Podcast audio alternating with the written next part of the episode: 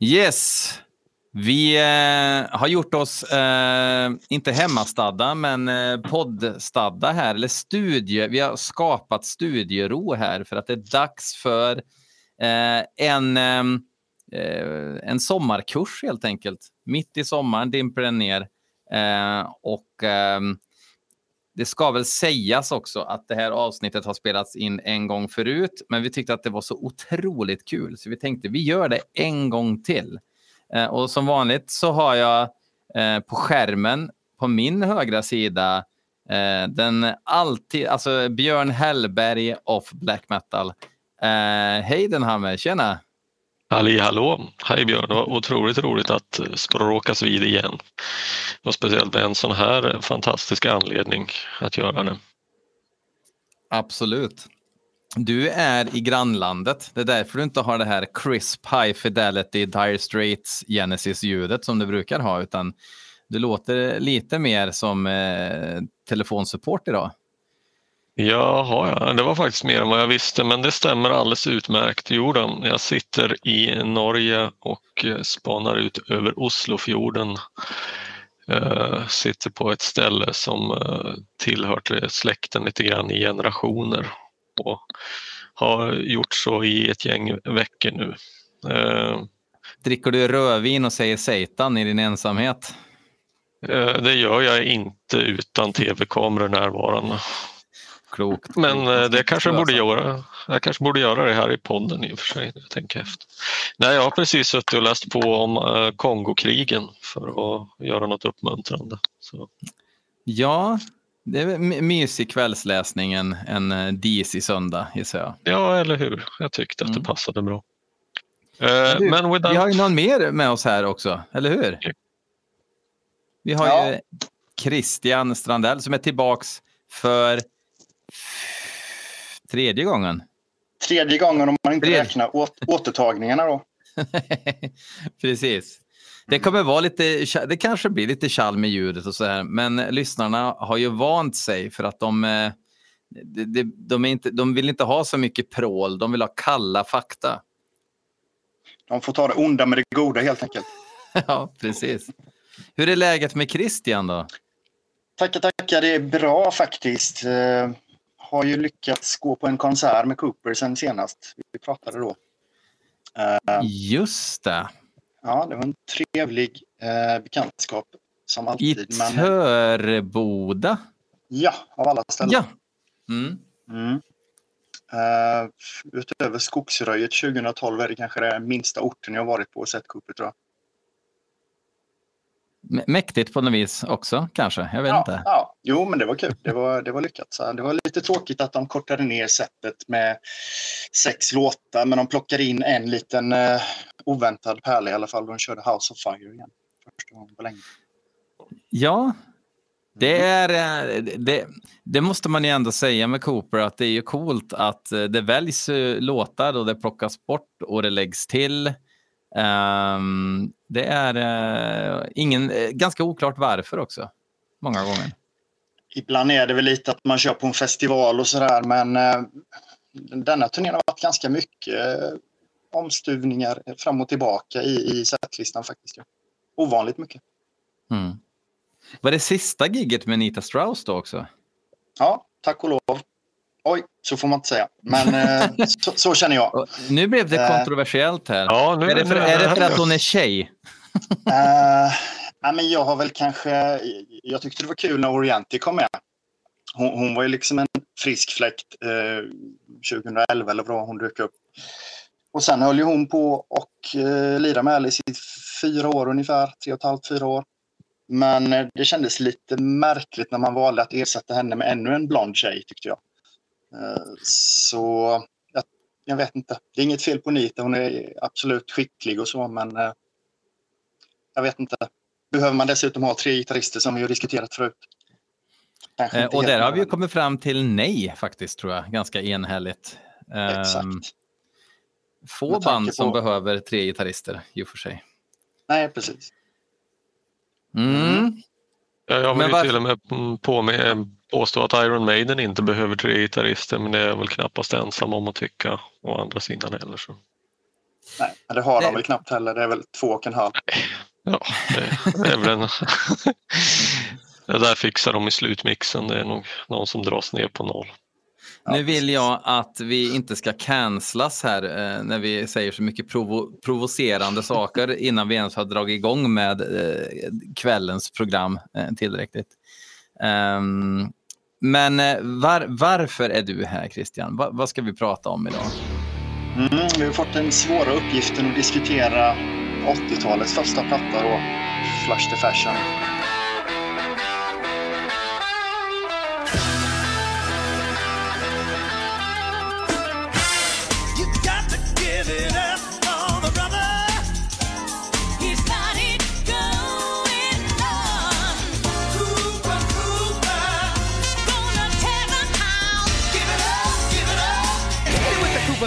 Down. Uh, med allt vad det innebär i ändring av stil och sound. Det är ju lite speciellt uh, eftersom Cooper tog en ganska stor vändning från 70-talet uh, när han klev in i 1980 där. Ja, vi börjar, vi börjar höra betydligt mer blipplopp. Um, Kanske inte så mycket som man spontant... Alltså, när jag tänker på den här eran så tänker jag ganska mycket på blipplopp. Men vi kommer väl till det sen att eh, igenkänningsfaktorn är ju ändå stor, tycker jag. Vad säger Hayden? Ja, det är, det är lustigt att du säger det, för jag satt eh, och lyssnade igenom den här skivan ytterligare en gång nu alldeles nyss eh, innan vi skulle köra kvällens omgång och eh, tänkte precis på det att när man säger eller hör begreppet new wave då tror jag väl att de flesta spontant kommer att tänka på en mängd syntetiska ljud eh, i, eh, i själva ljudbilden. Då. Men om man bortser ifrån de två inledande spåren på den här skivan så är det väl egentligen relativt lite av den varan därför att merparten består av gitarr, bas och trummor och så är det väl en liten keyboard som är med av och till med lite trudelutter och effekter och sådär. Men eh, så vansinnigt spektakulärt är det ju inte på det viset. Alltså. Ska inte gå händelserna i förväg men visst det är ett nytt årtionde och det är ett nytt sound och det är, det är ju väldigt annorlunda jämfört med vad han eh, kom ut med decenniet dessförinnan. Då. Mm. Uh... Steget ifrån From the Inside till Flush the Fashion är ju eh, sju mil långt, skulle man kunna säga. Eh, ja, så är det ju. Rent kostymmässigt. Det är ju... Toto har fått foten och in kommer ett, ett gäng tomtar som inte har någonting emot. Jag menar, det är ju...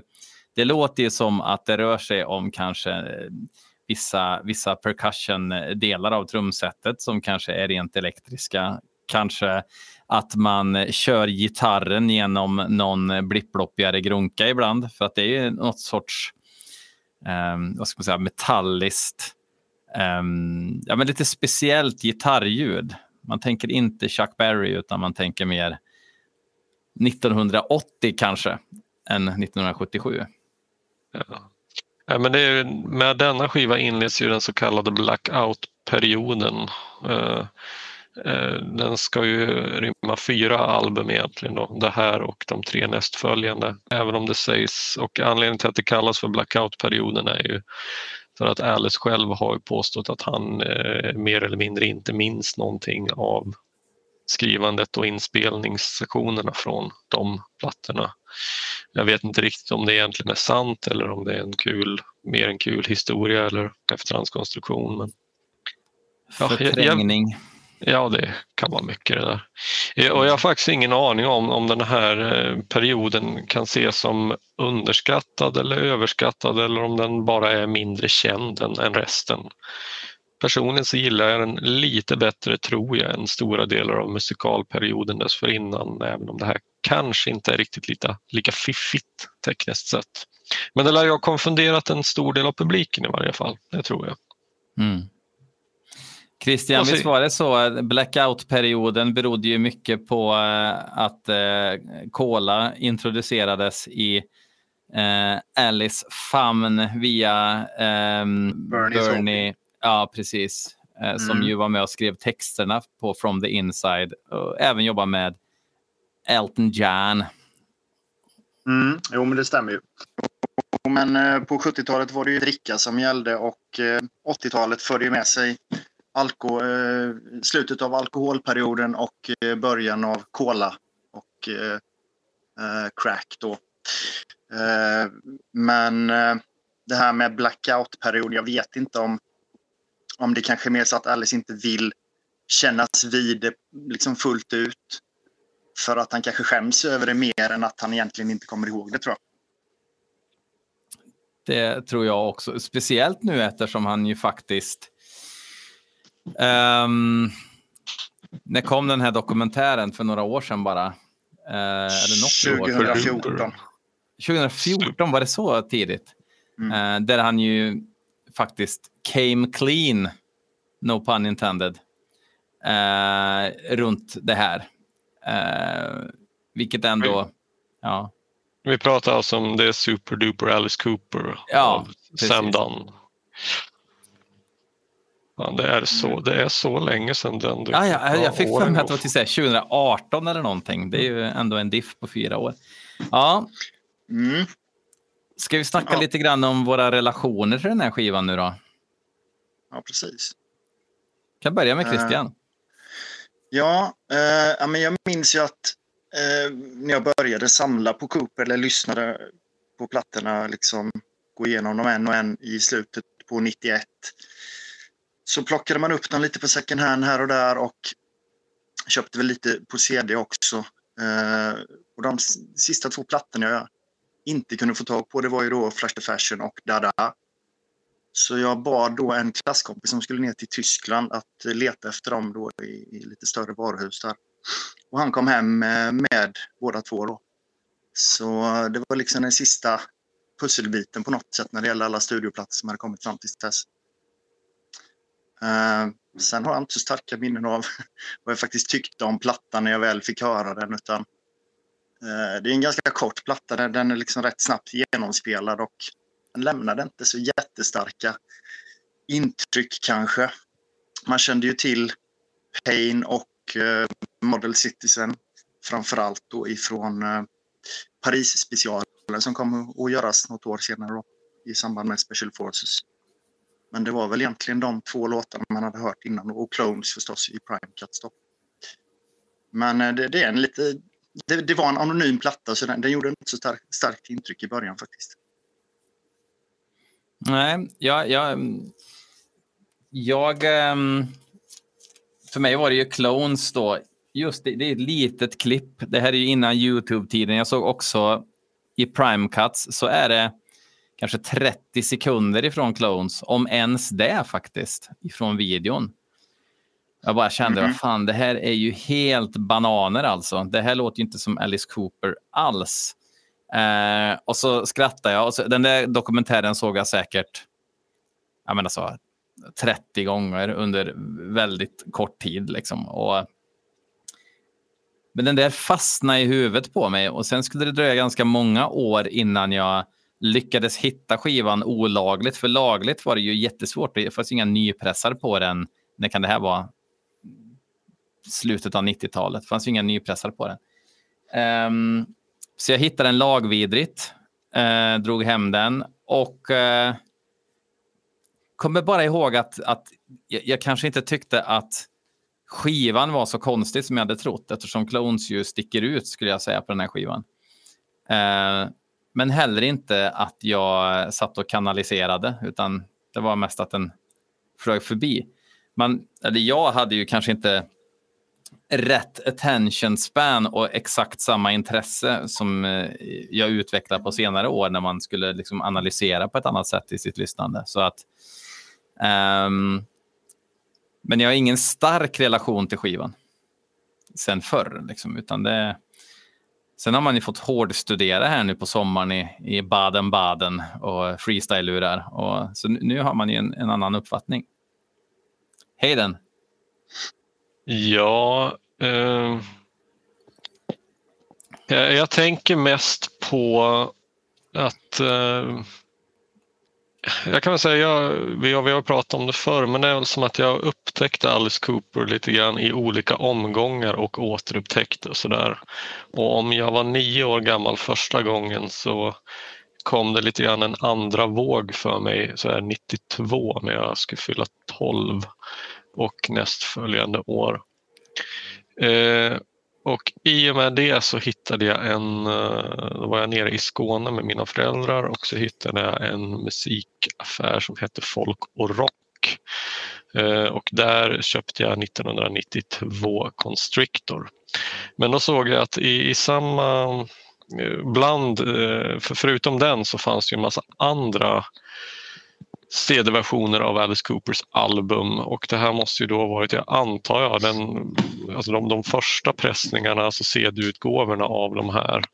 De såldes ut ganska billigt, de hade sådana här gula utropstecken på sig som jag antar att det var Warner Brothers som ville liksom rea ut mer eller mindre osäljbara skivor eller om det var distributören. Jag, jag vet inte riktigt. Men i alla fall, då, då fanns ju då en, en hel radda av de här, vad, vad jag uppfattade i, i den åldern och då som betydligt skummare album och Special Forces och Dada och Zipper Catcher Skin och eh, ja, skivor från 70-talet som jag inte kände till. Och så fanns ju då Flash the Fashion.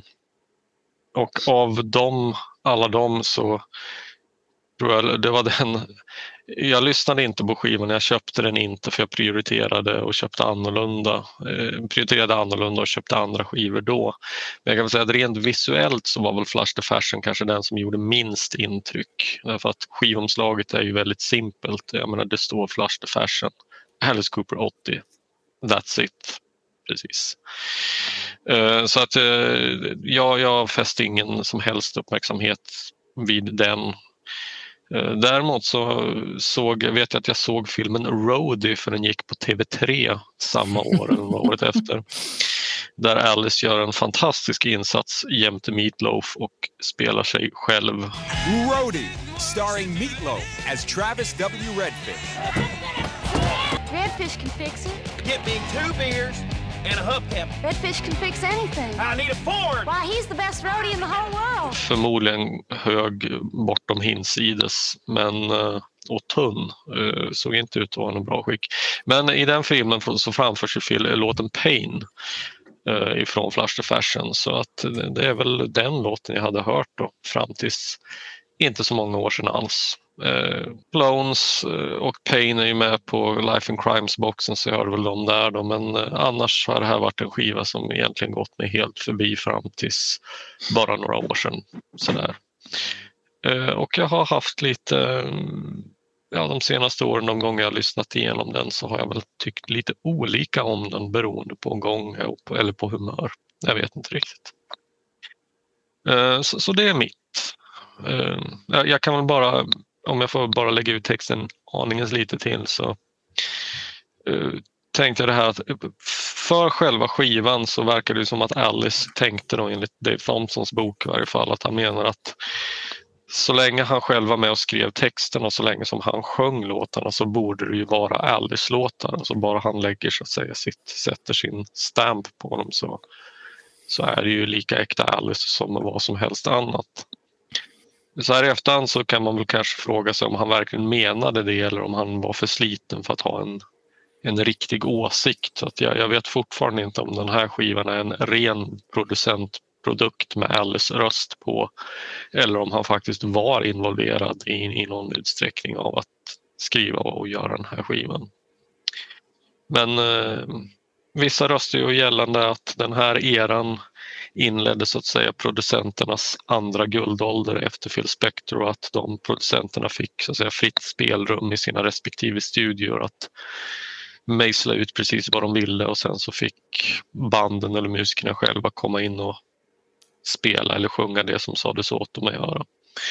Jag, jag, har, jag, kan tänka mig att, det, att ett sådant upplägg genomsyrat även tillkomsten av den här skivan. Men vi vet ju inte. Och Alice själv säger ju inte speciellt mycket om det. Så. Nej. Ja, förlåt, uh, det var en längre utläggning. Ja, ja men det var, det var en intressant utläggning. Um, den här skivan eh, tydligen då är ju titlarna egentligen bara hämtade. Det är rubriker ifrån olika tidningar som har fått utgöra inspirationen till alla texter. Sen är det väl någon, va? har du koll på det Christian, vilken låt som inte är från en nyhetstidning utan från en någon mer sorts illustrerad vetenskapstidning kanske? Jag vet inte. Mm, ja, men det, sägs väl att alla titlar och texter eh, är plockade liksom. Jag vet inte hur löst inspirerade eller hur, starkt inspirerade men ifrån eh, National Enquirer som är en ja, succéblaska liksom som, som slänger upp sensationella nyheter. Typ pojke född med två huvuden och så vidare. Okay. Eh, lite gal, galna stories. Om jag förstått en, ding, en ding-ding-värld. Ah, typ, kanske inte riktigt så. Jag, jag vet inte riktigt i, i vilken utsträckning. Jag, jag, känner inte till tidningen själv så att jag har sett den. Men lite journalistisk journalistik tydligen i alla fall. Mm. Jag har också fattat det som att, ja men säg en ding ding värld blandat med The Sun, typ för att det var väl riktiga nyheter typ också. Men eh, en hel del spekulativa historier får man väl ändå säga. Will Falcon Crest gun down Dallas and Dynasty in the fight for number one? Inquiring minds want to know. I want to know. How can you lick your weight problems with the lollipop diet? This week's National Enquirer tells you. Can you guess the real ages of these top stars? Is menswear the hottest trend in women's fashion? It's in the Enquirer. What's the story behind the Beatles' horrifying plunge into drugs? It's an eye-opening Enquirer book exclusive. Plus over 100 features for people with inquiring minds. Like me. Det var innan förtals eh, lagarna var tillräckligt tydliga kanske så att man kunde skriva lite vad man ville. Ja, um, Ska vi börja då med melodi nummer ett? Talk, talk.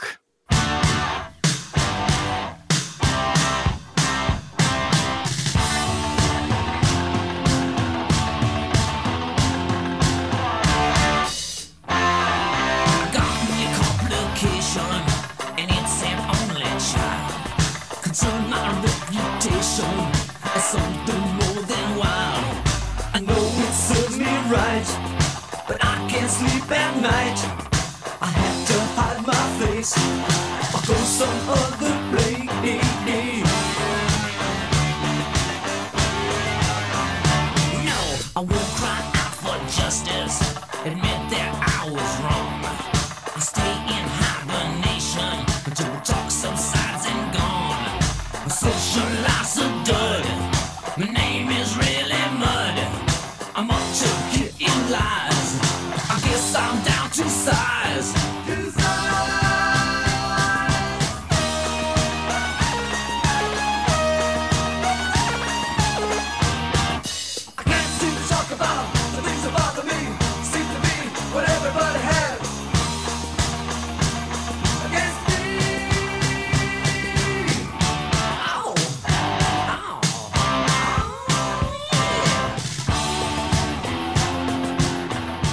tankar? Det är ju det är småättrig poprock men med viss energi. Eh, och det är ju framför, kanske man ska inleda med att säga, det är ju en cover av ett, eh, ett band som heter Music Machine som var verksamma på 60-talet. Jag vet ingenting om, om dem, jag hade aldrig hört talas om dem innan jag började göra lite research för den här. Då. Det är en catchy riff, det är kanske inte så jättemycket till refräng men det, det är väl en rätt bra låt, tycker jag. Den är, har, har ju ingen refräng riktigt. Det känns som att hooken är ju versen liksom. Med den eh, lite stampiga, tunga versen. Du, du, du, ja, eh, jag, tyck, jag, tycker att det är en eh, bra öppningslåt. Jag, jag gillar den här låten. Eh, mm. ingen låt som jag skulle skrika rakt ut om man spelar live kanske, men jag tycker om den. Christian? Jo, men den är ganska frän en ganska skön start på plattan i alla fall på något sätt. Lite attityd, eh, bra sånginsats och sådär.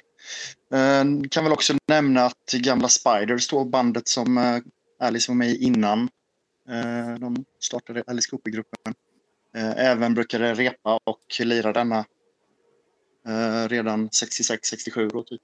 Du hade väl lyssnat på originalet några gånger? Och sådär. Mm. Vad tyckte mm. du om det? Ja, men det är ganska så likt eh, Alice version, eller tvärtom egentligen. Alice version är ganska likt originalet tycker jag. I got me a complication and it's an only child. Cause in my reputation something more than what I know it serves me right, but I can't sleep at night. Have to hide my face or go some other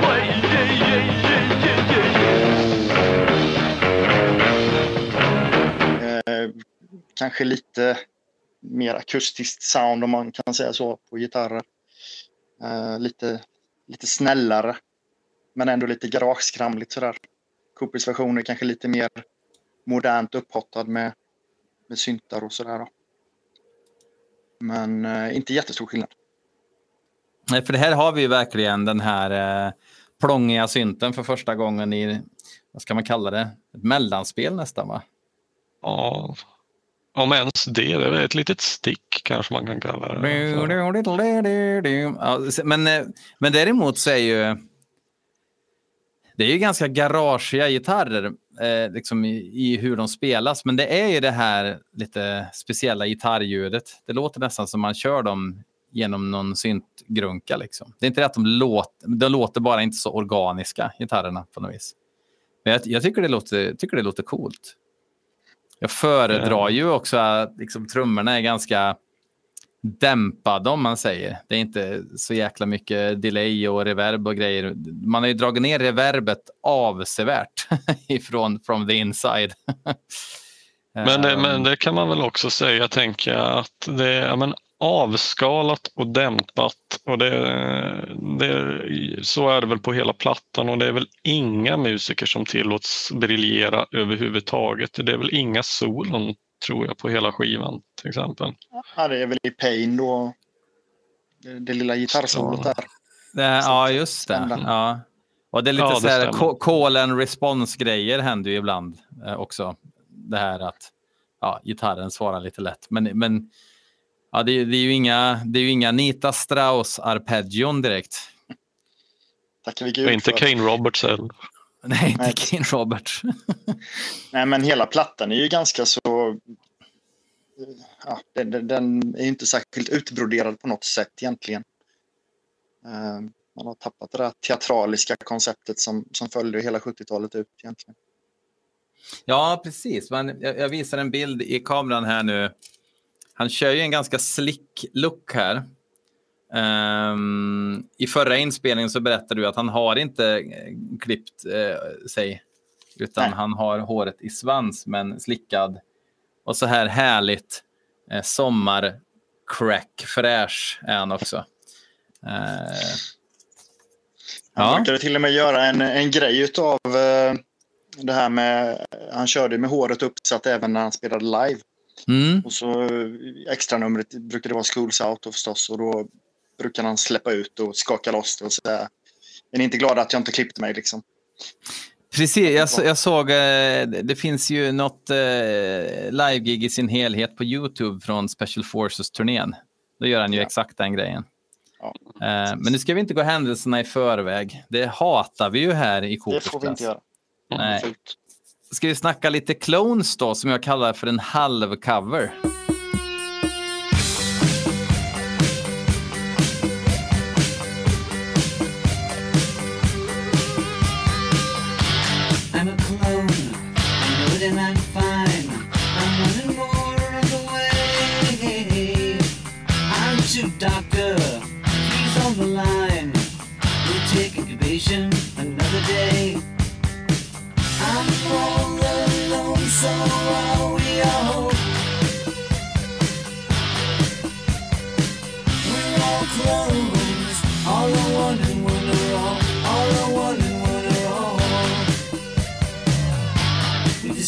Government, we're destroying time. No more problems on the way. I'm through, doctor. We don't need your kind. The other ones, ugly ones, stupid boys, wrong ones. I'm all alone, so are we all.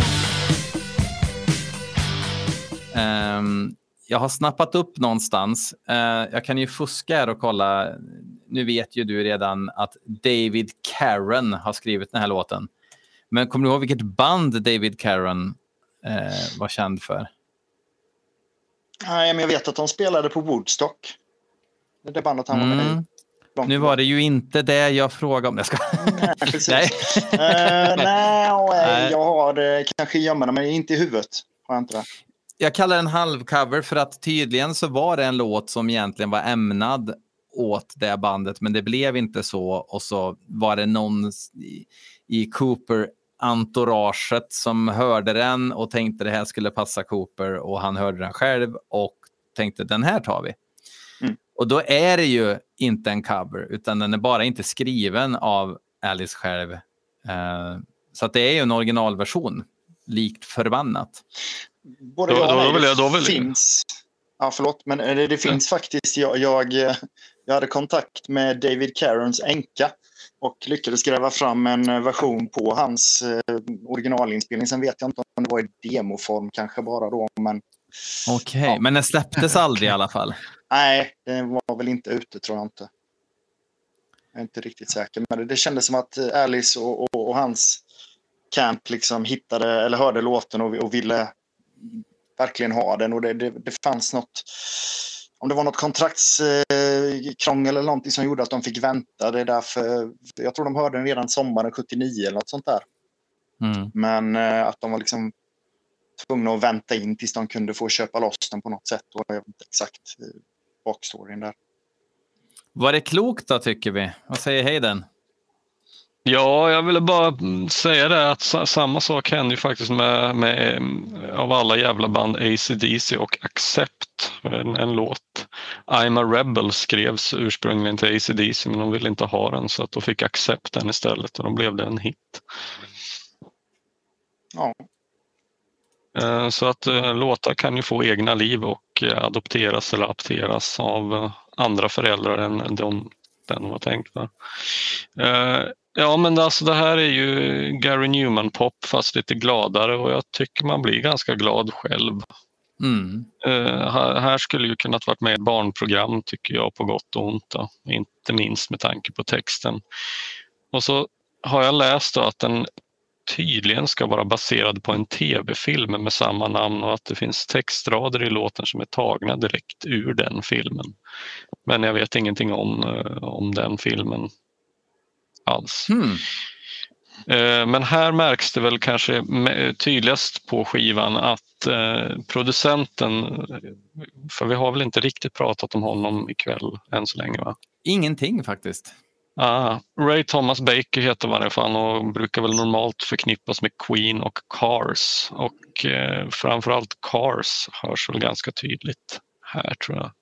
Mm.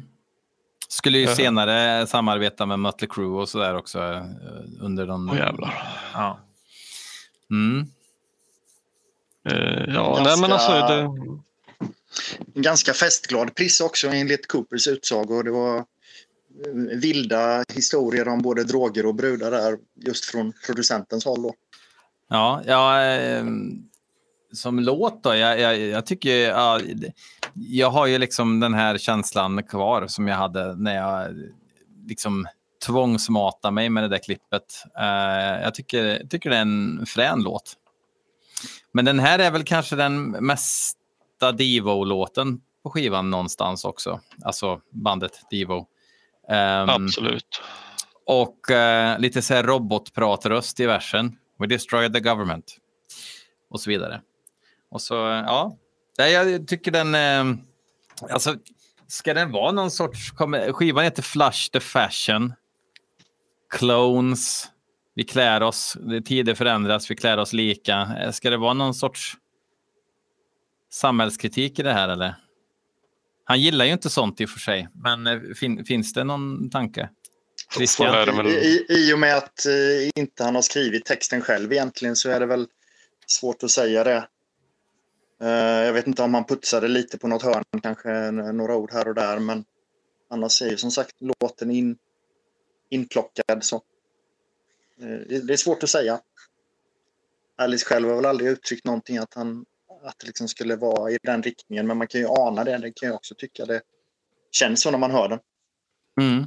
den kan ju såklart vara vald för det enda målet men jag tror att det är så enkelt som att det är en låt som lät bra och som, ja vad fan, det bryter ju inte direkt speciellt mycket mot helhetsmönstret. Även om den gjorde det har väl det aldrig hindrat Alice Cooper eh, tidigare i och för sig. Och... Nej. Eh, men alltså det är en, det är en bra låt. Alltså, lite, kan man kalla det lite av en slags pseudohit? Eller alltså, Mm. det, det är min sambos favoritlåt med Alice Cooper. Det, är faktiskt. Mm. Den Men den känns som på- en låt som är skriven för att vara en hit. Liksom. Den är extremt enkel, trallvänlig och eh, ja, en, den, den stryker en medhårs på något vis. Ja. Nej, men det var ju första singeln också. Den kom väl på typ 40 plats eller något sånt där. Den var på topp 40 i alla, i alla fall vet jag. Eh, bara en liten tanke angående nu när vi pratar Alice Cooper och hits. Att det här, nu får ni rätta mig om jag har fel, men eh, innan så att säga hans comeback, eh, hans riktiga kommersiella comeback 89 med Trash, så är väl det, det här är väl lite grann den sista skivan för ett, nästan ett decennium framåt att faktiskt försöka få till någonting som liknar kommersiella hits. För de lyser ju med sin frånvaro på de tre efterföljande Blackout-albumen och Constrictor och Race kan väl knappast kallas hitskivor det heller. Tänk- Absolut, men han fick ju vara med i tv och grejer ändå. Alltså han var ju, han var ju, det var inte så att han... Att, och han spelar väl på eh, större klubbar i alla fall.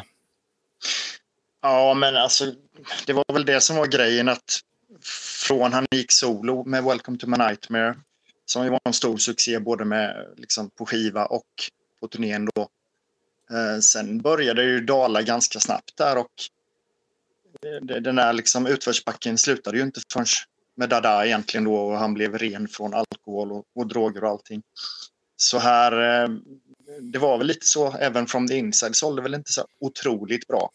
80-talsplattorna sålde sämre och sämre och sämre, men han spelade nästan alltid eh, live inför utsålda hus då på ganska stora spelningar. På, på, på denna turnén var det väl upp till 6-8 tusen personer i alla fall.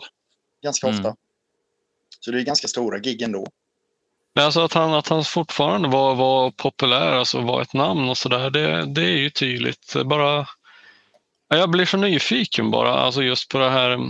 Alltså skivbolagen måste ju ändå ha tänkt i, i kommersiella termer och som jag minns efter att ha läst det så var de väl inte helt glada över att, ja det, alltså det fanns väl i stort sett inga hitlåtar att plocka ifrån skivorna. Jag menar, From the inside, ja men How you gonna see me now blev lite grann så.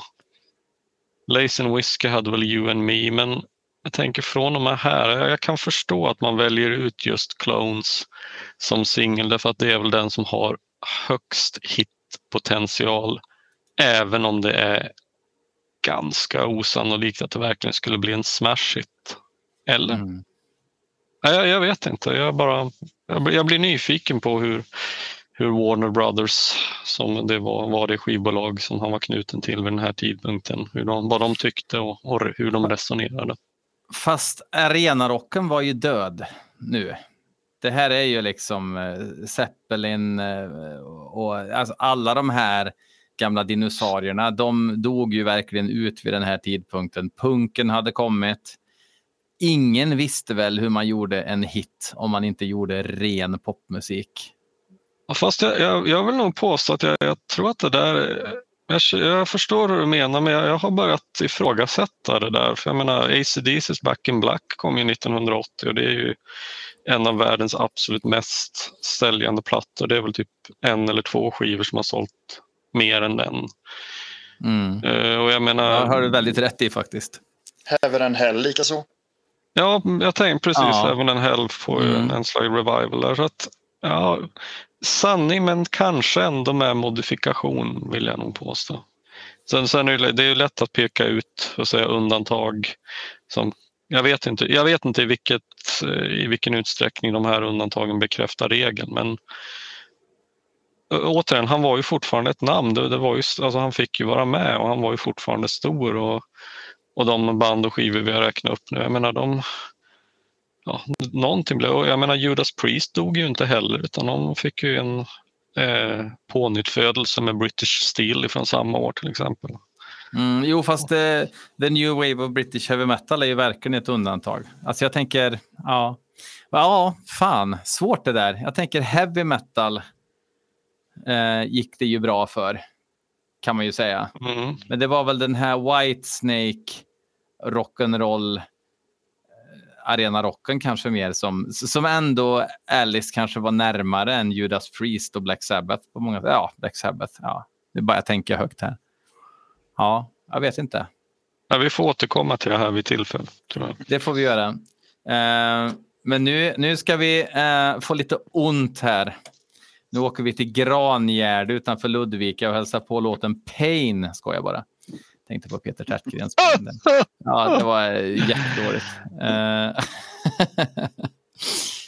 vad tycker vi om den här rackaren? Jag kan börja den här gången. Att den här låten är ju Eh, en... Eh, det här borde ju fan kunna blivit en hit faktiskt. Nu när jag tänker på det. Eh, den här skulle kunna vara med på Darkness at the Edge of Town med Springsteen till exempel från den här tiden då Springsteen eh, gjorde bra musik. Ehm, den skulle kunna vara med på... Alltså jag kan höra väldigt många göra den här låten väldigt bra med sina specifika röster. Ehm, den texten är ju eh, också väldigt lätt att förstå samtidigt som den är snygg. Hur han beskriver, eh, han beskriver eh, smärtans perspektiv.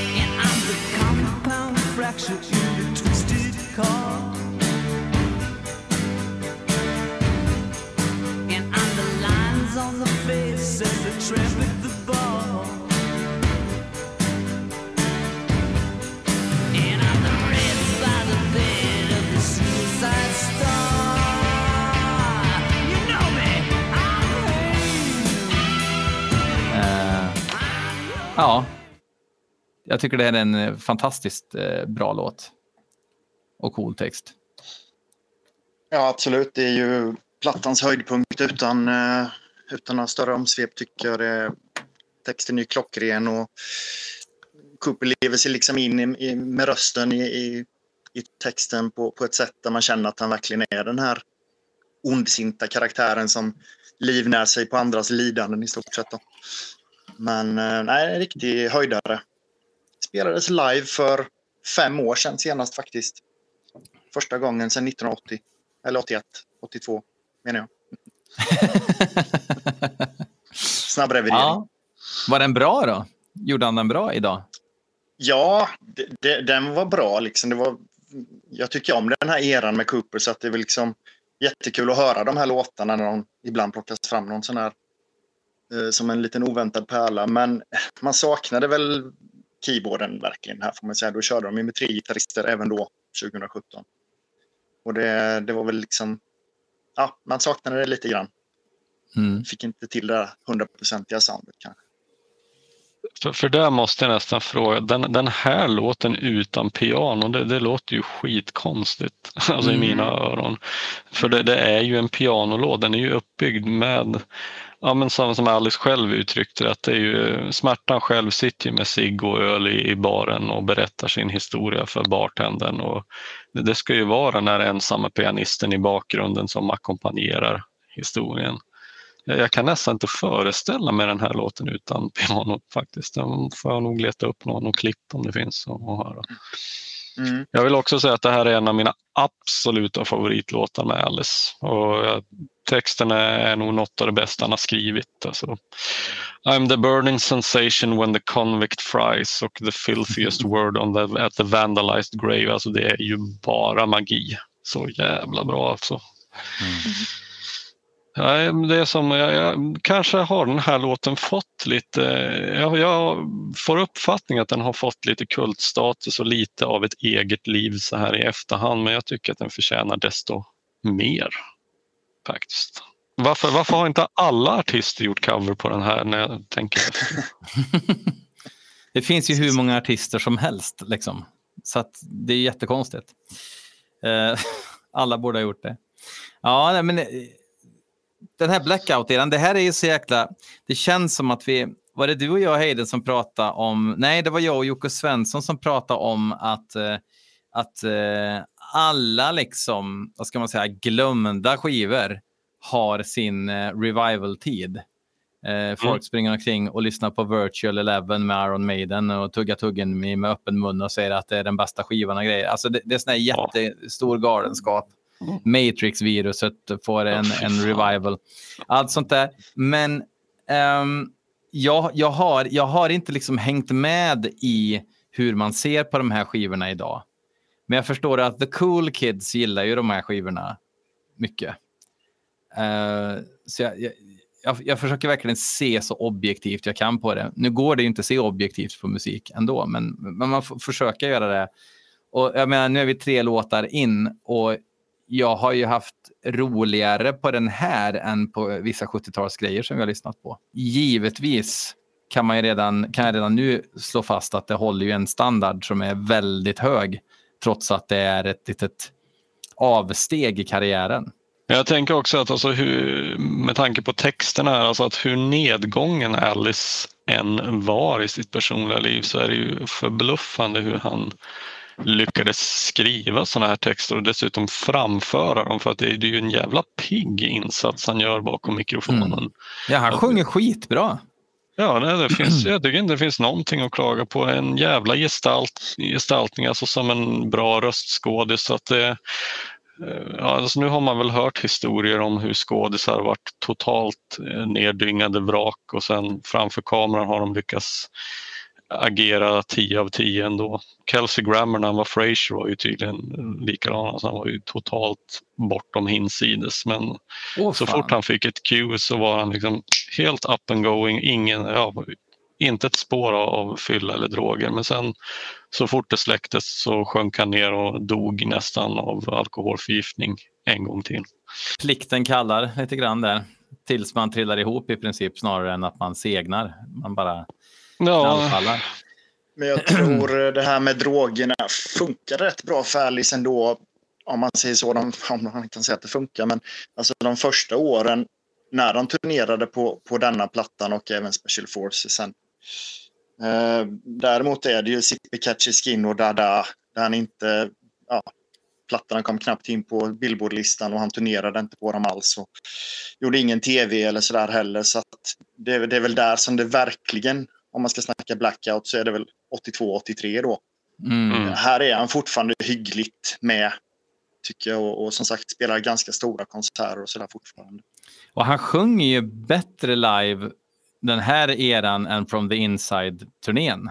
Ja. Och väldigt oklart varför, för att han, eh, det var väl, det var väl samma typ av eh, droger han sopade i sig och så vidare. Ja, jag har inte tillräckligt bevandrad i drogernas magiska värld för att, för att kunna skilja på hur de påverkar en. Men eh, visst är det väl vanligt kokain liksom som är väldigt uppåt. Känns ju som att det är det han använder på From the Inside-turnén om man ser på den inspelningen där. Mm. Eh, det är väldigt ryckigt. Han är trött, pigg, tar sig igenom låtarna. Han, ja. han tar i men han har ingen uthållighet så det låter mest som att han stöter ur sig sången. Liksom. Medan han sjunger ju riktigt bra under den, de här, i alla fall under uh, Flash the Fashion och Special Forces. Um, Zipper Catch Skin tror jag inte jag har hört något live-framträdande från. Nej, det finns ingenting. Nej, det finns inget. Nej. Ja. Alltså det, det, det, det, brukar ju vara här, vi ska inte gå ner oss i, i drogerna. Ehm, men alltså kokain har ju varit en fantastisk stimulant för många.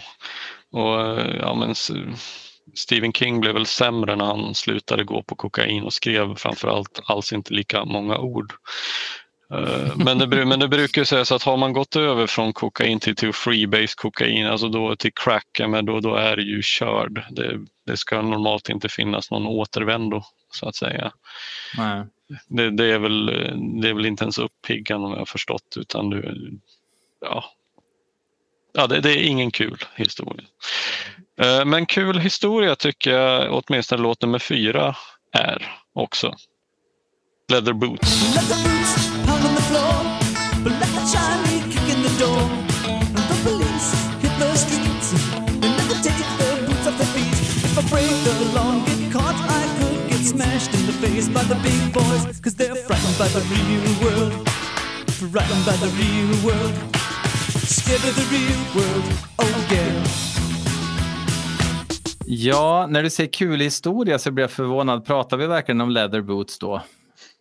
Jag tycker historien är kul, texten är kul. ja, för låten är då inte så kul. Nej, inte. För nu, nu är det ju verkligen eh, damned if you do, damned if you don't uh, känsla på. Det är någon sån här sorts märklig Jeff Lynne-gitarr, liksom Electric Light Orchestra som jag i och för sig gillar, men kanske inte när den är så här spexig och hetsig och western, eller vad ska man säga att det är? Det är någon sorts... Ja, jag, ty jag tycker att vi är vi inte i återigen, alltså vi, jag tycker vi är i rockabillyland men påhejade ja. av en hobbysynt med en budget på en 50-lapp. ja, eller på, på den tiden kostade den väl ett mindre lands BNP skulle jag tro. Men, ja, men jag vet inte, det är inte, jag tycker inte det är en direkt dålig bit men det är väl att efter tre så pass starka inledande låtar så är det väl jävla svårt att inte se det här lite som fillermaterial i alla fall. Mm. Ja. Det är en ganska märkligt glad gitarrslinga som eh, tar upp det här ämnet med polisbrutalitet och, och våld. Det är en ganska udda mix av glad musik och tungt ämne. Det där pratade vi om förra försöket av inspelning. Jag nämnde Dead Kennedys.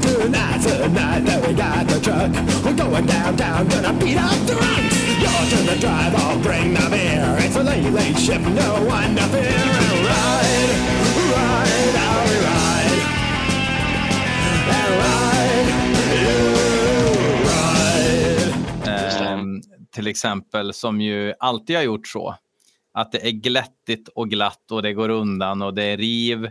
Men det handlar om Kill the Poor och det handlar om Police Truck och sådär. Det är skillnaden att de gör det att de gör det så övertydligt och sen så har mm. de ju mm. såklart massa andra ingredienser som gör att deras eh, musik blir mer intressant av den anledningen. Med lite surf, rock influenser och sådär. Men att eh, vi spånar ju till och med om det kan vara så att Dead Kennedys faktiskt har hämtat en del inspiration från den här låten? Otvivelaktigt. Eh, ja, vi säger det här och nu.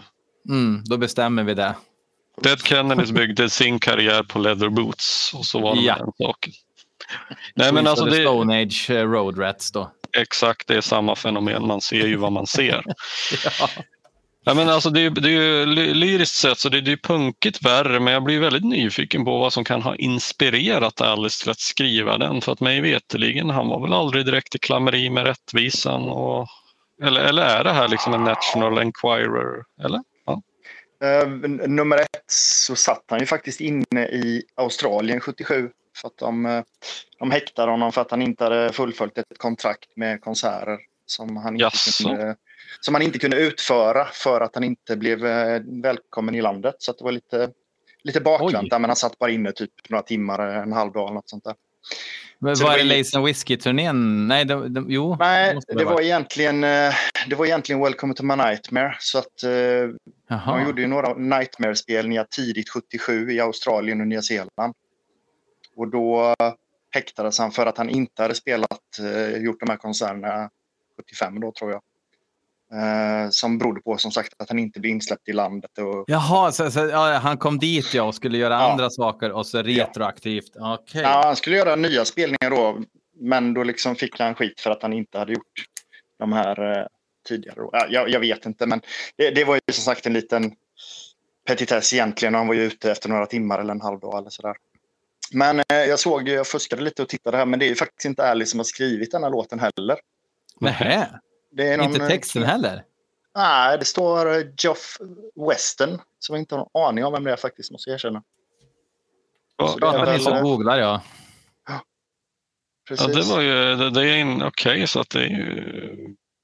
Men då, då blir man ju, alltså vadå, är det en, är det en cover då eller är det ytterligare en sån här låt som inte fick bli inspelad av någon annan? Alltså är, Flash the Fashion någon slags elefantkyrkogård för låtar som inte blir inspelade av riktiga artister utan får gå till Alice Cooper istället nu? Jag vet inte. Alltså det... Cooper var väl... eh, Han ville väl ändra på saker och ting och han kanske liksom... Han har ju inte gjort... eh, Liksom, skrivit sådana här låtar innan så då kanske han plockade lite vad han tyckte var guldkorn utifrån. Kan man ju tänka sig eventuellt. Ja, han är om- amerikansk musiker, låtskrivare och artist, men eh, har väl kanske mest jobbat med att skriva låtar och grafisk design, står det här. Eh, Alltså inte gjort något väsen av sig som artist egentligen. Nej. Så, så hur fan hittade de den här låten av honom? blir jag ju jävla nyfiken på. Alltså jag gissar att det har gått till så där lite grann. Eh, Så, går det ju till nu när Danny Sasuedo ska släppa en ny skiva. Då går han ju och så har ju skivbolagen publishingbanker och grejer för någon lyssnar. Det gjorde de säkert på den tiden också. Att fan, vi behöver två låtar till. Ja, men den här ju kan ju vara lite alltid- kul. Cooper har ju alltid fått låtar skickade till sig från andra ja, låtskrivare också. Så att det kan ju vara varit så att någon lyckades träffa rätt. Att ja, jag skickar in den här låten och Cooper plockar upp den tycker att det är en kul grej då. Vem vet? Jag har faktiskt inget svar på riktigt hur de, hur de hittade den. Mm. Ja, Jag vet faktiskt inte riktigt hur jag ska reagera på den här informationen. Vi kan släppa det och gå vidare. Ja, men just att låten är så pass udda också gör ju att det blir konstigare Ja, att det är någon annan som har skrivit den. För det är ju, det är ju ingen... Alltså det är ju en så jävla basic... Han hade ju kunnat gjort en prick likadan låt liksom eh, på fem minuter. Om man ser låtmässigt. Det är ju texten då snarare som är... Ja, precis. Att det är ju det som blir så udda för honom. Alltså, speciellt en Cooper som de påstår sig inte vilja beröra politiska ämnen i någon utsträckning. Men det här är ju definitivt det. Mm. Ja, ja, ja okej, vi, vi går väl vidare då till... till Aspirin damage. damage.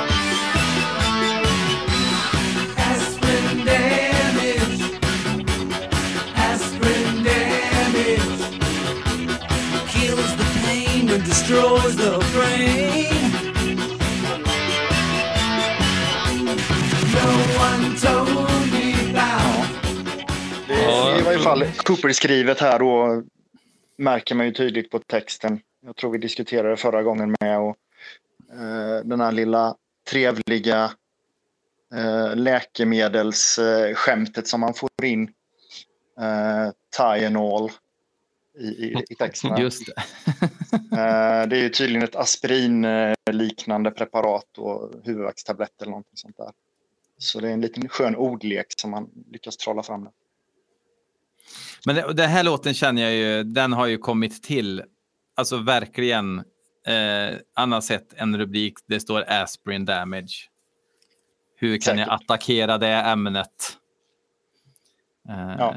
Har aspirin eh, någon eh, negativ effekt på hjärnan i verkligheten? Vet vi det? Är inte det typ som Alvedon? Det är ju knappast neurosedyn. Liksom. Nej. Nej. Nej, men det är väl som Alvedon, äter man för mycket så påverkar det levern då, så det kan ju vara sådana grejer istället. Det Ja. behöver inte Alltså, att- att, att det är skallen som går. Jag känner ju en kar som, äh, en person som ska få förbli anonym. Men 50 gjorde procent det- är uteslutna nu ur din berättelse. Ja, så ja, nu ja. börjar vi närma oss vem det är. Ja, ska ändå få förbli anonym, men som gjorde det till, till sin grej att, att han skulle bli beroende av Treo och kodein. Av någon anledning. Så att den här låten borde ju få vara hans anthem. Men jag har inte påpekat det här för, för än, än så länge. Men eh, jag, återigen, jag tycker att texten är betydligt bättre än låten även om det finns en ganska kul melodier och lite trudelutter här och var. Så där, så. Och, och lite, lite så här gängsång. Liksom. Mm. Ja, lite så här Traveling Wilburys fast i New Wave. ja, Mm. typ. Ja, men det är väl piggt? Väl? Ja, men alltså den, den är ju... Den, är, den, den tävlar ju lite grann mot Leather Boots som inte är min favorit. Så jag tycker att det är ett litet lyft här. Men den här låten, eh, det kommer ju inte stå Aspirin Damage på eh, Alice Coopers gravsten direkt. Det är ju en liten axelryckning. Men tänk om han faktiskt skulle dö av det. Alltså det nog vore väl ironiskt om han gick och dog av en leverskada orsakad av aspirin. Och så får det faktiskt stå det på stenen trots allt. Ja, ja. Ja, man Ja. kan ju drömma. Nej, så ska man inte säga. Ehm, det är dags Mm. att eh, vända blad till sida två på den här eh, gamla LPn. Ehm, och nu ska vi prata om Nuclear Infected.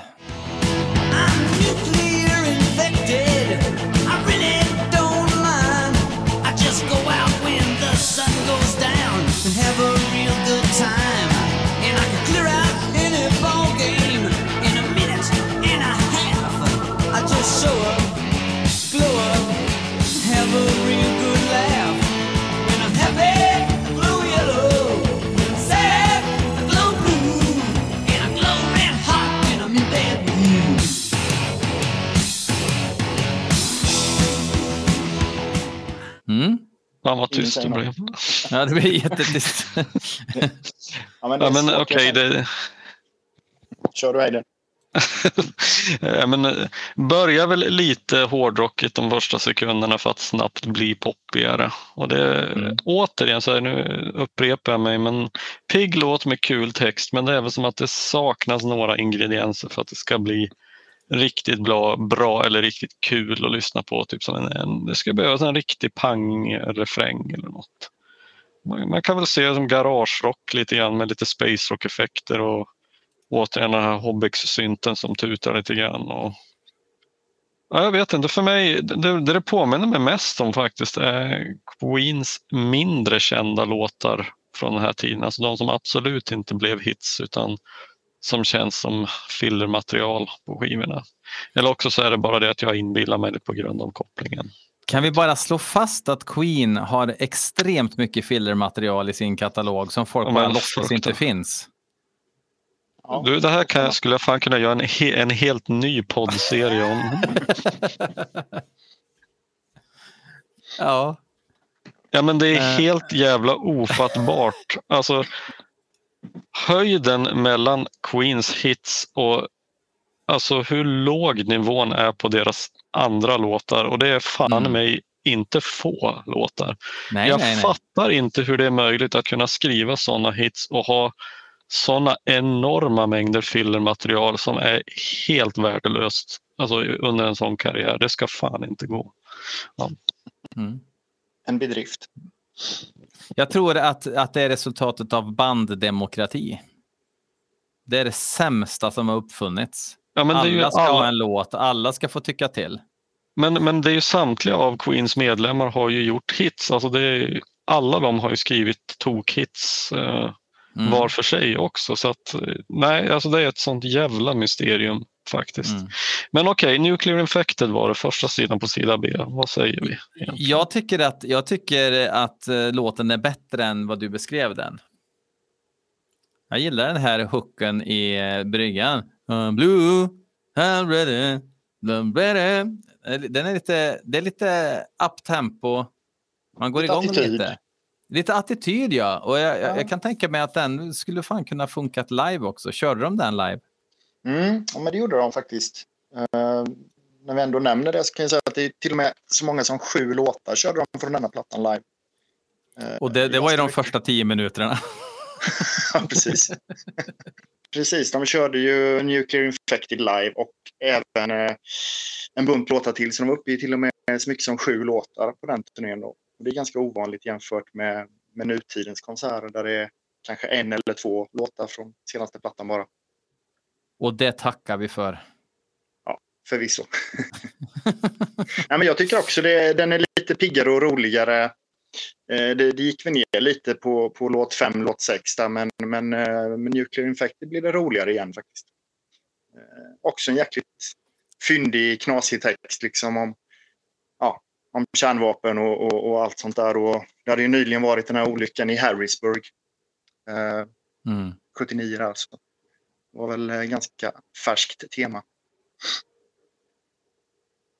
Vi borde skicka den här till Sveriges riksdag tycker jag, men det tar vi i en annan podd. Ehm, men men, ja, men ja, den, är, den, är ju, den är lite tokrolig om ett seriöst ämne. Liksom. Sen Ja, kommer vi till Grim Facts. Då kan du få börja igen då, Christian. Mm.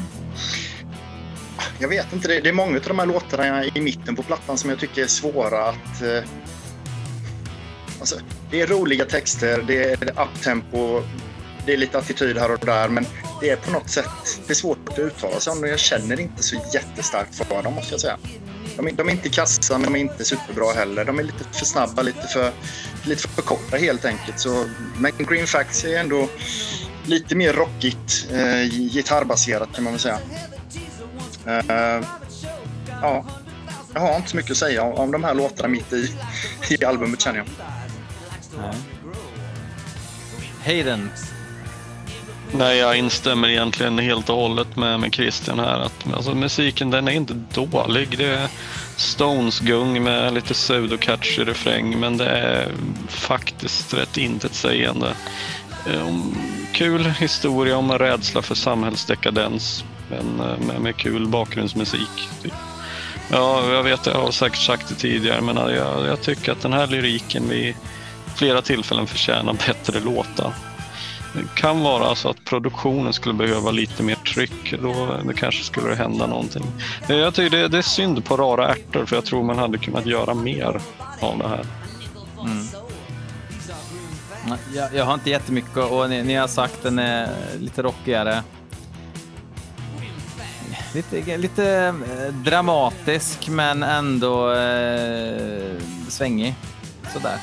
Ehm, men inte dramatisk i Alice Cooper-mått mätt direkt. Utan det är, det är ju liksom, eh, ja, det är, lite, det är lite ljummet där, det, men, men inte dåligt. Man blir inte provocerad när låten kommer. Liksom.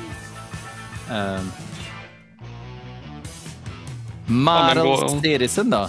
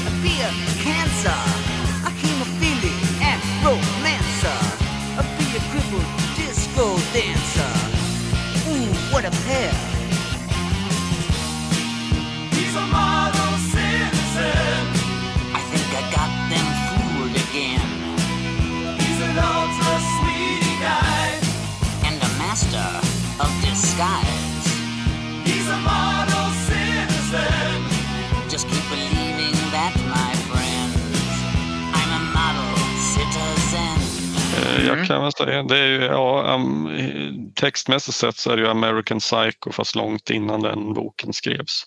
Så Mm. vi kan väl slå fast här och nu att Bret Easton Ellis grundade hela sin litterära karriär på texten till Model Citizen från Flush to Fashion. Ja. Tack. Så många Eh. sanningar sägs i denna podd. ja. Ja, det är nä, nä, nästan lite obehagligt hur mycket vi röner. Ja, precis. Ehm, Ja, men den här är väl ehm, lite grann, lite så här nuclear infected eh, up-tempo, eh, sådär. Yeah. sen har vi den här grabbsången i refrängen också. Call and response mellan eh, bandet låter det som och Alice själv. Um, ja, eh, okej okay låt. Men det är rätt roligt tycker jag hur han leker lite med, ja, med karaktären Alice så som jag tolkar texten då att eh, ja, Alice och Vincent har, har ni ju diskuterat förut och privatpersonen och scenpersonen. Mm. Men scenpersonen har ju alltid varit lite mörk och farlig och, och, och liksom hotfull för samhället och så. Men eh, sen någonstans i mitten på 70-talet när Alice går solo så kan jag försöka tvätta rent den och bli lite mer rumsren på något sätt och med i tv-program och, och liksom gör karaktären lite vänligare och trevligare. Och så sjunger han denna texten några år senare om att han kanske har lyckats lura folk igen då, så är han egentligen ond eller god och vem är det han sjunger om? Det, det, det är en lite så schizofren, eh, schizofren är den. Mm. Mm. Ja, det, går, det går ganska fort på de här låtarna nu för att man, man, man har lite grann lite samma känsla för, för Mm. eh, allihop. Eh, Så, så vi hoppar väl vidare till Dance yourself to death. Som, kan, eh, ja, kan jag mm. bara få inflika lite grann att, med Model Citizens. Jag bara kollar lite grann i mina fake eller mina, mina anteckningar här, mina fusknoter. Ja, jag skrev i alla fall att eh, jag tycker att det slår mig att eh, för mig låter det här ganska mycket som, det här gäller väl i och för sig Dance yourself to death också, men att det hade kunnat vara alltså demoinspelningar, alltså grovskisser av någonting som hade kunnat behöva lite mer finputs innan de graverades in i vinyl. Och sen den andra grejen är att jag tycker att eh, den här skivan för mig låter som den tar över, eller den tar vid lite grann där Lace and Whiskey slutar. Alltså att om, om den här hade kommit precis efter Lace and Whiskey så hade det känts som ett mycket mer logiskt steg än från From the Inside. Jag vet inte om jag är ensam om att tycka det. Men... Nej, det är, alltså From the Inside är ju en helt annan kostym än den här. Men det har väl Ja, också att verkligen. göra med vilka han hade med i studion. Liksom. Eh, han hade ju verkligen västkustens eh, finlirare med sig. Och här så, så ja, det är ju li, lite ruffigare, lite enklare. Ehm, det tror jag spelar väldigt stor roll. Men om man ser Ja, Dance yourself to death till exempel, det, den låten skulle inte jag tycka att det var konstigt om den var med. Den skulle kunna vara med på, på eh, Billion Dollar Babies, den skulle kunna vara med på Kid, den skulle kunna vara med på vilken Alice Cooper-skiva som helst egentligen.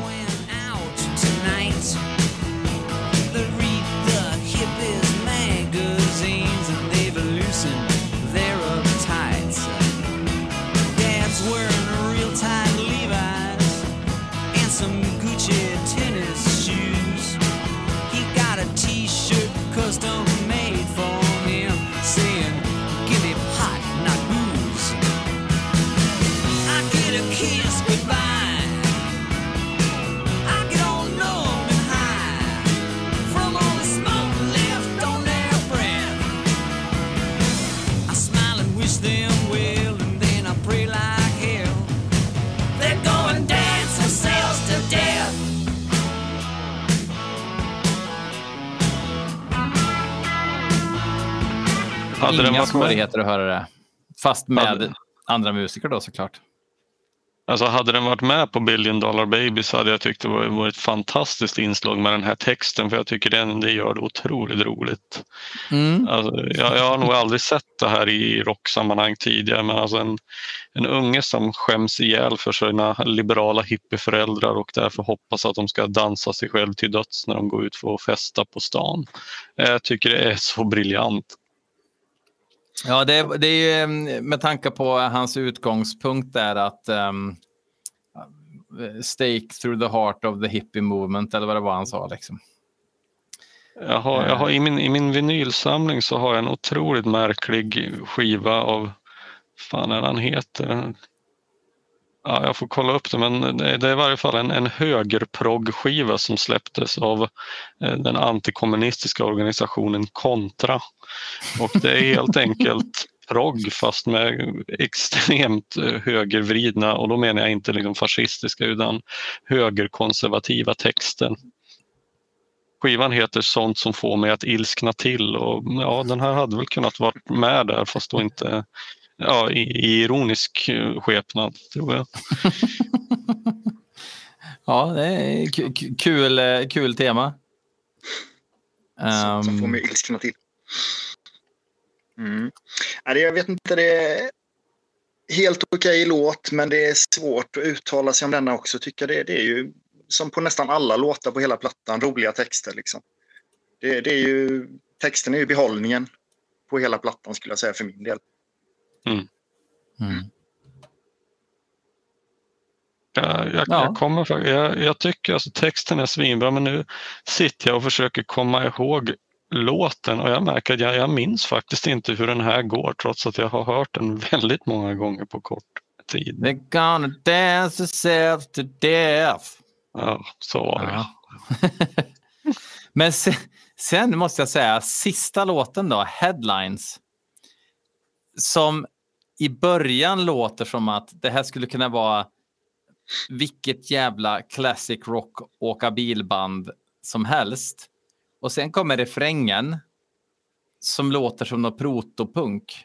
Liksom. Mm. Det är liksom gitarriff.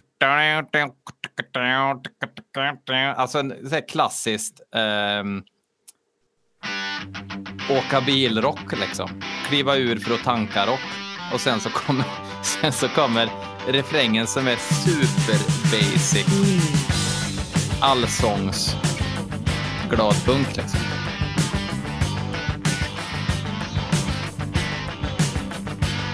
to a show, save a child, raise a million bucks that last a while. Find the parties, buy a horse, lose a couple, win that big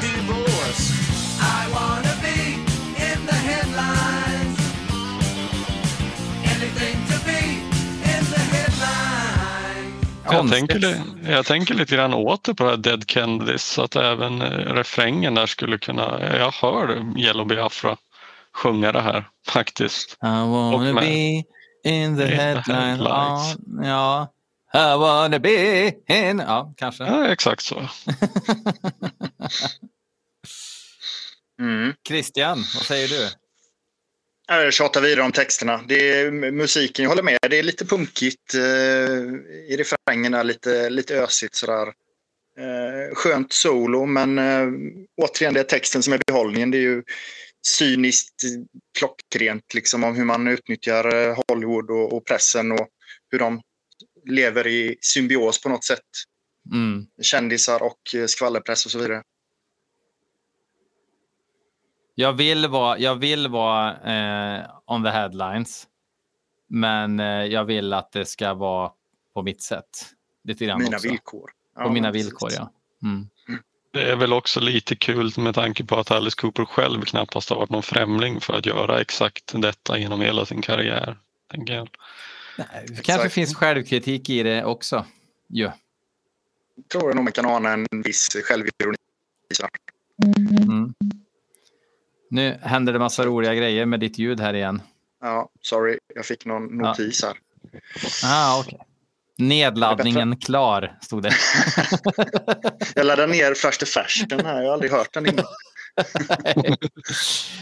Eh, ja, men eh, nu kommer vi ju till det här. Jag kommer inte ihåg vad jag gjorde. Vi kan kalla det test repet som vi hade för två veckor sedan.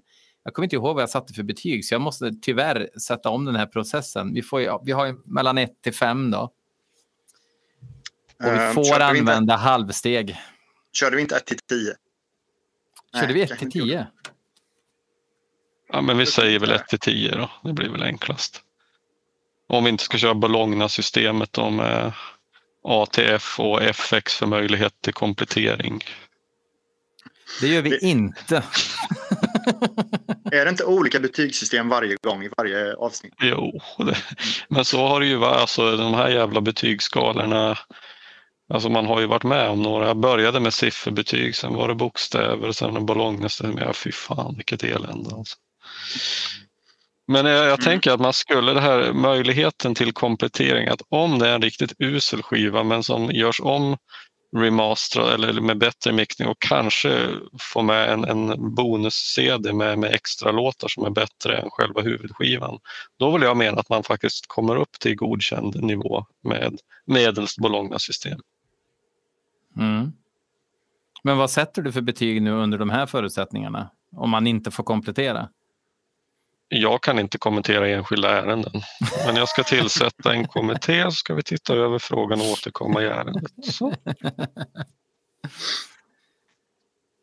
Ja, det- jag, säger Christian, vad du Ja, just det. börja. bolla över. Nej, men jag tycker eh, det är en svårbedömd platta. Det, det är mycket som händer. Cooper byter stil, eh, byter utseende, byter producent. Eh, men, men för mig, är- problemet är att det är inte Cooper fullt ut. Du har ingenting av det här skräck eh, Cooper, det här teatraliska, utom möjligtvis i Pain då. Mm. Eh, som är absoluta höjdpunkten på plattan. Eh, skulle inte den varit med skulle nog betyget kunnat blivit lägre faktiskt. Men jag tycker det är, det är lite för korta låtar, lite för lite för glatt eller för, för roligt på något sätt. Och det, det gör väl att ja, texterna och Pain räddar väl en att det blir en sexa utav tio i så fall för min del. Sex och en halv kanske, en bra dag. Mm. Sex och en halv. nu tänkte ju jag 1 till 5. Så jag fortsätter Okej. gå efter det systemet. Eh, jag, jag ger den här skivan eh, tre och en halv. Hade det varit någon mer starkare låt så hade den fan fått en fyra. För jag tycker att det är roligt att lyssna igenom hela den här skivan eh, hela tiden. Eh, det tycker jag inte på hela From the Inside. Jag tycker inte att det är lika kul. Men det, det är liksom... Det, det är som att man, man, man, man bedömer en häst och en moped lite grann. Att det är, med tanke på att förutsättningarna för skivorna är så olika så blir ju känslan kring de olika också. Uh, nej, men tre och en halv av fem.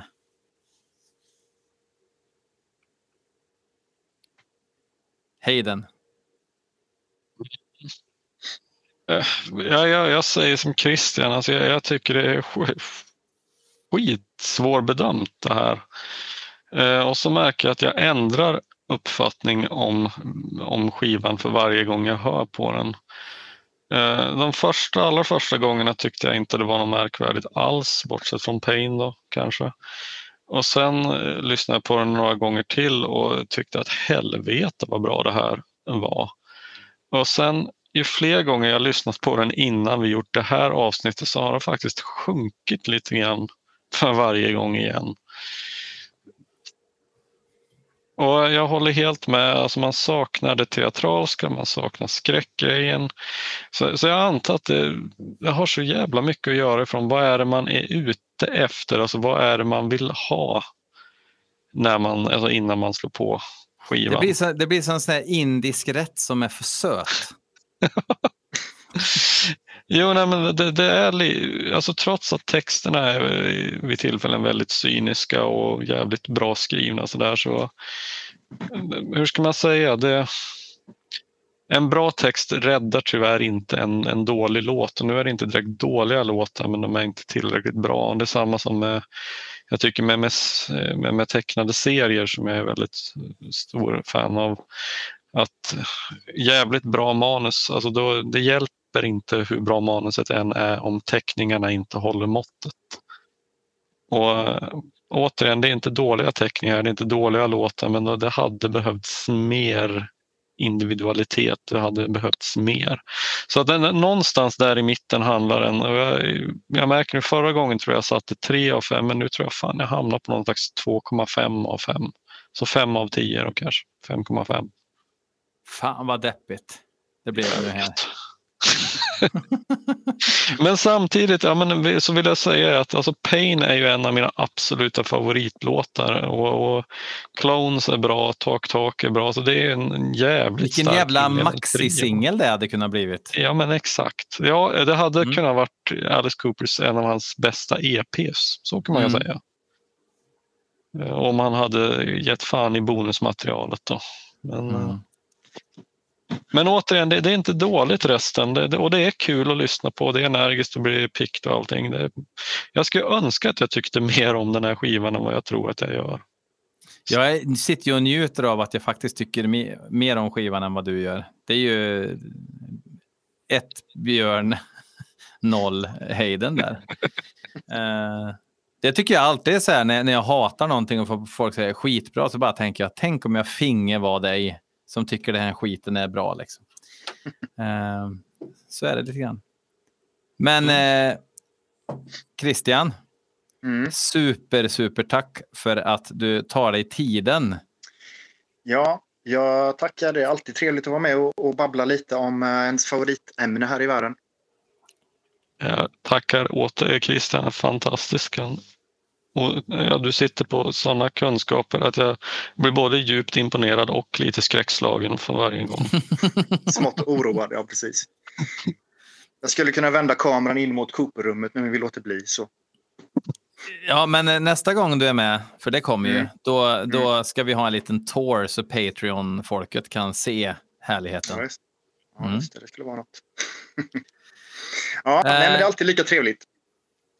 Skitkul, Ja. skitkul. Eh, ni ska ha tack allesammans. Eh, och tills nästa gång, när nu det blir då, eh, då får vi väl säga de bevingade orden låt stå. Ja, låt stå. Låt stå och tack för kaffet.